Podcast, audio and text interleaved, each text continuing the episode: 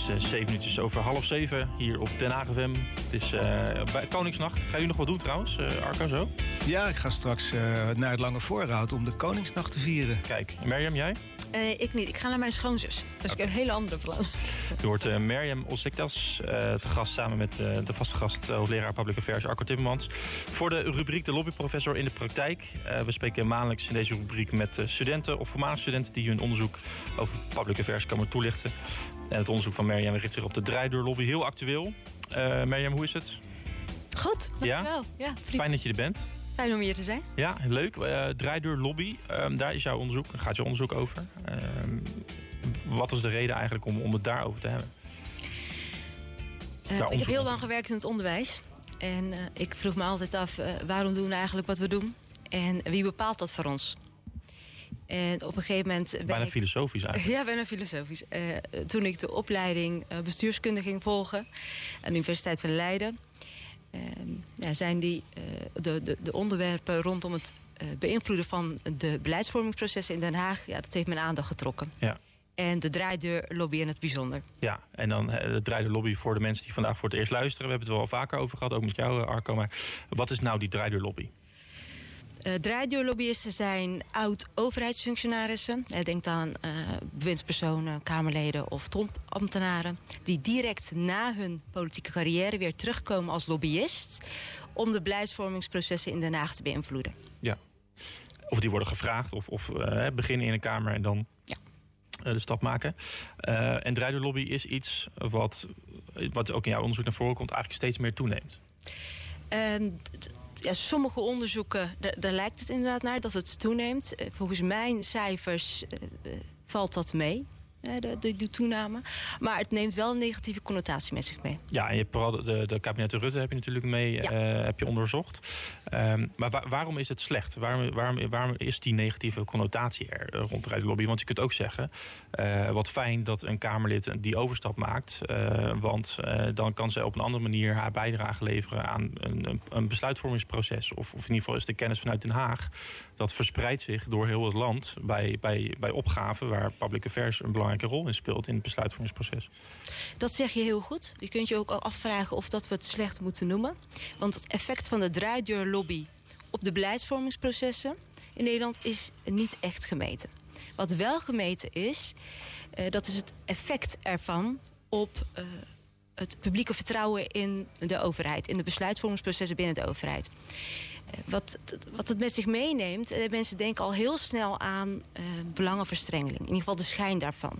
Of netwerkcorruptie. Mm -hmm. Of een ongelijk speelveld. Um, of kennisvoorsprong. Dat kan zijn procedureel, maar ook inhoudelijk. Dus dossierkennis. Dat, dat is de beeldvorming rondom het fenomeen. Dat is gemeten. En dat doet iets met het vertrouwen van de burger in de politieke besluitvorming. Maar moeten we het dan gewoon niet beter uitleggen? Als het alleen maar om beeldvorming gaat. Ja, maar dit alles ook wel tegen de achtergrond van een al intransparant lobbylandschap. Dus we kunnen het wel beter uitleggen.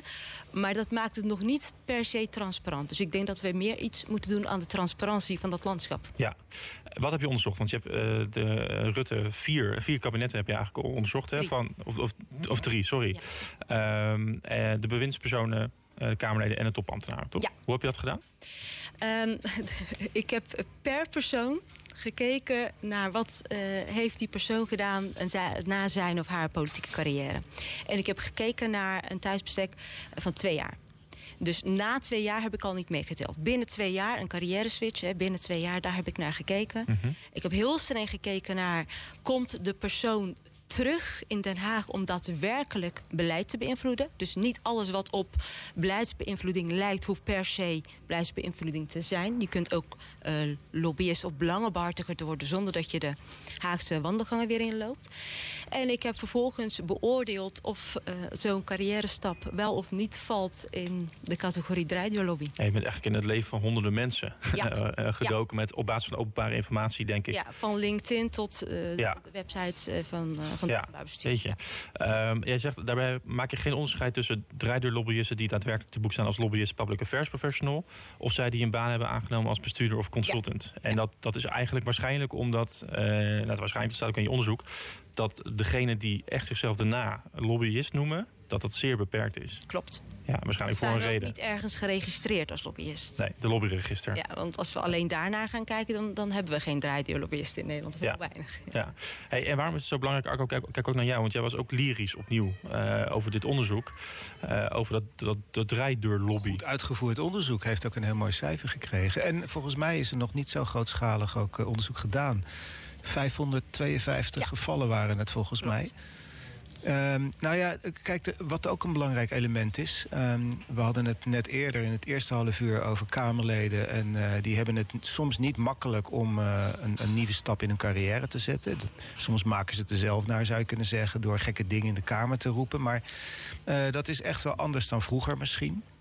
Ehm, maar waar, wat ook een belangrijk punt is, is als je een functie vervult binnen het openbaar bestuur... en dan mag je aannemen dat je een, een, al- een algemeen collectief belang... eh, eh, probeert eh, zeg maar te laten prevaleren, de boventoon te laten voeren in de dingen die je doet professioneel.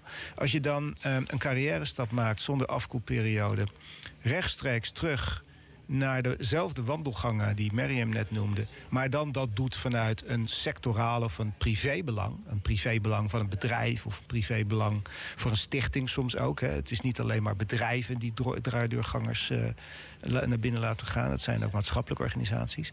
Ja, dan, dan, dan, dan ontstaat er een rare situatie. eh, doordat de kennis die er is over de connecties, de wandelgangen, de manier waarop de hazen lopen. eh, toch strategisch gebruikt wordt voor het informeel vaak eh, beïnvloeden van eh, publieke beslissingen. En de term, ik heb zelf die titel in mijn eh, leerstoel, public affairs, wordt dan eigenlijk ook een beetje private affairs. Maar wat, wat is dan daar het probleem van? Dat, dat, dat, dat, dat Eh, het een, levert- te, een te klein groepje te veel invloed Nou, het levert, het levert selecties op en voorrangroutes en privileges. Die degene die een dergelijke achtergrond hebben in, de, in politiek Den Haag dan hebben en anderen niet. Dus als je. Kijk maar bijvoorbeeld bekende politici, die komen vaak niet bij een een of andere huistuin- en keukenorganisatie terecht. Die komen bij grote spelers terecht. Ja. En niet per se alleen bedrijfsleven, dat zei ik net al. Nou ja, dat, dat, dat levert toch tot een, eh, een, een, een scheefgroei, zou je kunnen zeggen... in eh, wie er binnenkomt, met welke voorgeschiedenis en met welk belang. Een ongelijk speelveld dus. Er, Ja, er komt overigens nu een, eh, een wetsvoorstel, een wet bewezen bewindspersonen... waar dat draaideurverbod ook, ook in komt hè, voor twee jaar, voor in ieder geval bewindspersonen. Ehm, eh, waar hebben we het over? Wat voor percentages? Als je bijvoorbeeld kijkt naar Kamerleden... waarvan we net al in het eerste half uur zeiden van ja, daar zijn eigenlijk weinig regels voor. Uh, als je het sec hebt over Kamerleden, kwam ik op 21 procent. En dan hebben we het dus over drie kabinetsperiodes. Uh, Eh, en dat zijn dan mensen die dan de stap van Kamerlidmaatschap maken naar uh, een, een lobbyfunctie. Functie, ja. ja. precies. Um, uh, bewindspersonen die komen op 32, daar kwam ik op 32 procent uit. Ja. En de topambtenaren 15 procent. Ja, en dat zijn de... druk aardig op het gemiddelde. Zo. Ja, precies. Dus, dus vooral de bewindspersonen en Kamerleden, dat zijn natuurlijk ook passanten. Hè, als, ja. je, als je als dienstambtenaar bent, dan is het misschien minder flexibel. Uh, wat zijn nog meer verschillen die jij, die jij ziet in deze drie soorten mensen... als het, als het gaat om, om de overstap die zij maken? Um, kan je dat wat nader toelichten? Wat bedoel... Ja, kijk, waar, waar, zit, waar zit nou het verschil? Uh, uh, je, hebt drie groepen eigenlijk onderzocht. Hè? Ambtenaren, Kamerleden, bewindspersonen. Gaan zij allemaal op dezelfde manier om met die draaideurlobby? Of zitten er verschillen? Ik kan me voorstellen als, als bewindspersoon, als, als minister... Um, dat je inderdaad best wel snel gevraagd wordt om een overstap te maken. Bijvoorbeeld hè, Cora van Nieuwenhuizen, die niet het eerste bewindspersoon was... voor dezelfde functie gevraagd was. Meerdere mensen, meerdere bewindspersonen waren toen gevraagd. Uh, heeft dat er ook mee te maken als je, als je bekender bent en meer ervaren bent... dat dan de kans groter is dat je ook wordt gevraagd... en het makkelijker is om zo'n stap Absoluut. Als, uh, ik heb dat overigens niet specifiek onderzocht. Ik heb vooral gekeken naar zijn draaideurlobbyisten... ook mensen die ruimschoots ervaring hebben binnen de Rijksoverheid. Mm -hmm. En dat is zo. Dat is ook een van de uitstroompatronen um, uh, waar ik op heb ingezoomd. Ja. En dat klopt. Hoe meer ervaring je hebt... Uh, hoe meer ruimte je hebt gehad om een netwerk op te bouwen... om kennis op te bouwen... hoe groter de kans is dat je uh, wordt gevraagd... of zo'n functie gaat vervullen. Ja, dat, dat is een patroon. Zijn er nog meerdere patronen die, uh, die je hebt gezien? Zeker. Wat ook opvalt is... ja, wat opvalt is dat de meeste draaideurstappen... die gemaakt worden toch een beetje uit de liberale hoek komen. Ja? Ja, ik kan me heel goed voorstellen dat het ook te maken heeft met de politieke filosofie. He, dat is toch een beetje laissez-faire waar we het uh, net een beetje over hebben gehad. Alhoewel uh, PvdA-mensen, uh, Oud-overheidsfunctionarissen doen het ook niet verkeerd. Nee, oké. En daarmee bedoel je eigenlijk om het plat te slaan uh, van een aantal politieke partijen. Daar zie je meer ja, zeker. mensen. waar hebben we het dan over? VVD, nou, zeg je? Ja, VVD sowieso wel. Um, PvdA doet het ook niet verkeerd, alhoewel dat niet in die categorie valt. En CDA, dat zijn toch de top drie partijen waar, die het meest opvallen. En waar zou dat mee te maken kunnen hebben? Um, als we kijken naar CDA, ik kan me indenken, ik heb dat niet specifiek onderzocht, dat de draaideurstappen die daar gemaakt worden niet per se uh, een winstoogmerk uh, hebben. Dus die kunnen ook uh, in publiek belang gemaakt zijn.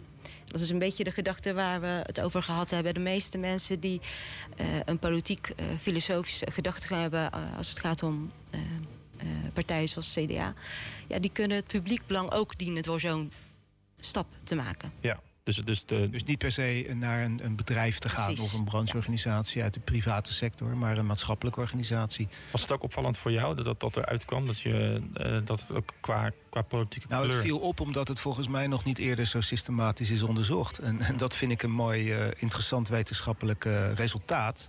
Het verbaasde mij niet. Uh, want uh, als je kijkt naar het spectrum uh, in de Kamer bijvoorbeeld... dan zie je toch wel duidelijk dat zeg maar links-progressief georiënteerde partijen... meer hebben met het reguleren van, van lobbyen... dan de partijen die aan de andere kant zitten. Dus dat daar ook de meeste draaideurgevallen in het onderzoek van Merriam zitten... dat verbaast mij om die reden. Dat kan toch ook te maken hebben met het feit dat deze partijen heel lang aan de macht zitten? Dus op het moment dat jij een machtsfunctie hebt... Zeker, dat je per definitie aantrekkelijker bent... dan wanneer je bij onderdeel van een partij ja, bent zeker. die nooit geregeerd heeft. Ja, maar ja, dan heb je nog steeds als persoon... heb je nog wel de keuze om het wel of niet te doen. Hè? Dus uh, ja, als een partij een, een comfortpositie heeft... dan is dat voor een individueel uittredend uh, Kamerlid of bewindspersoon... of topambtenaar in een enkel geval...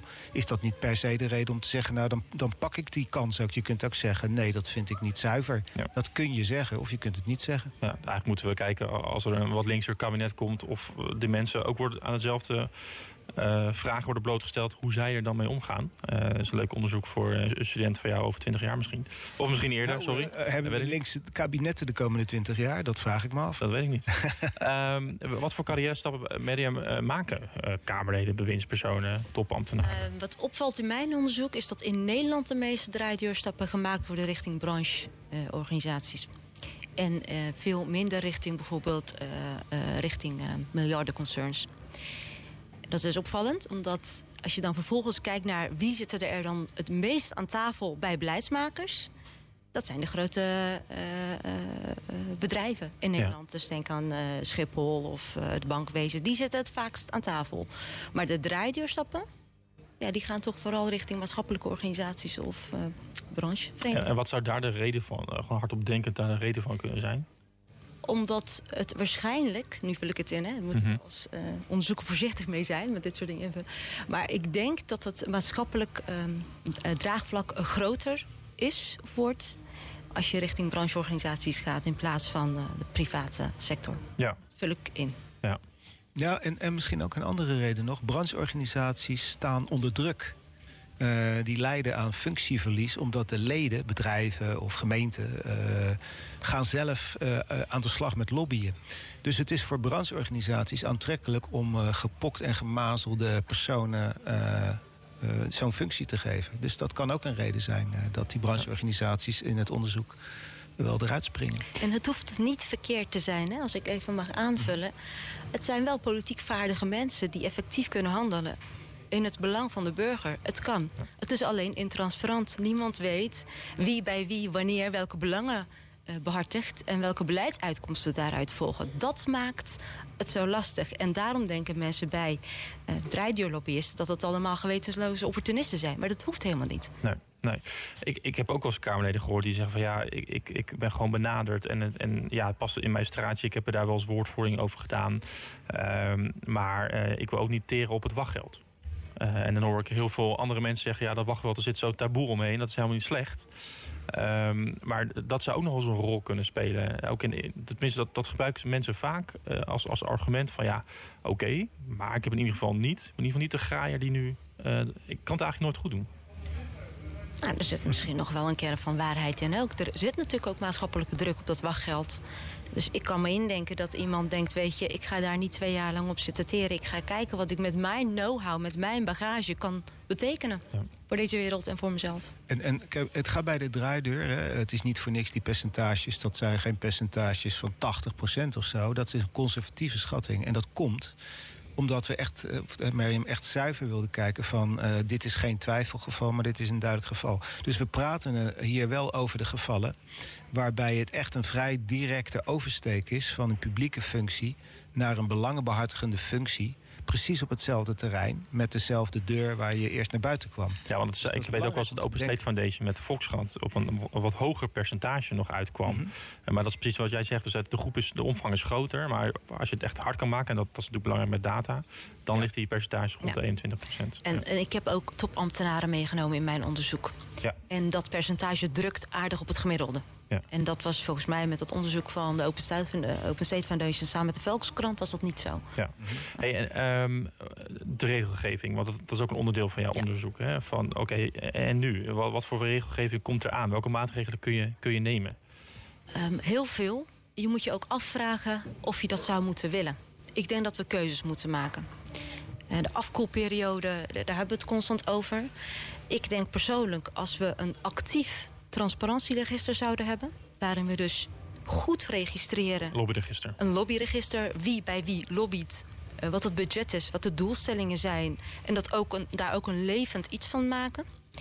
Uh, in combinatie met daadwerkelijk openbare agenda's... van bewindspersonen, maar ook Kamerleden en topambtenaren.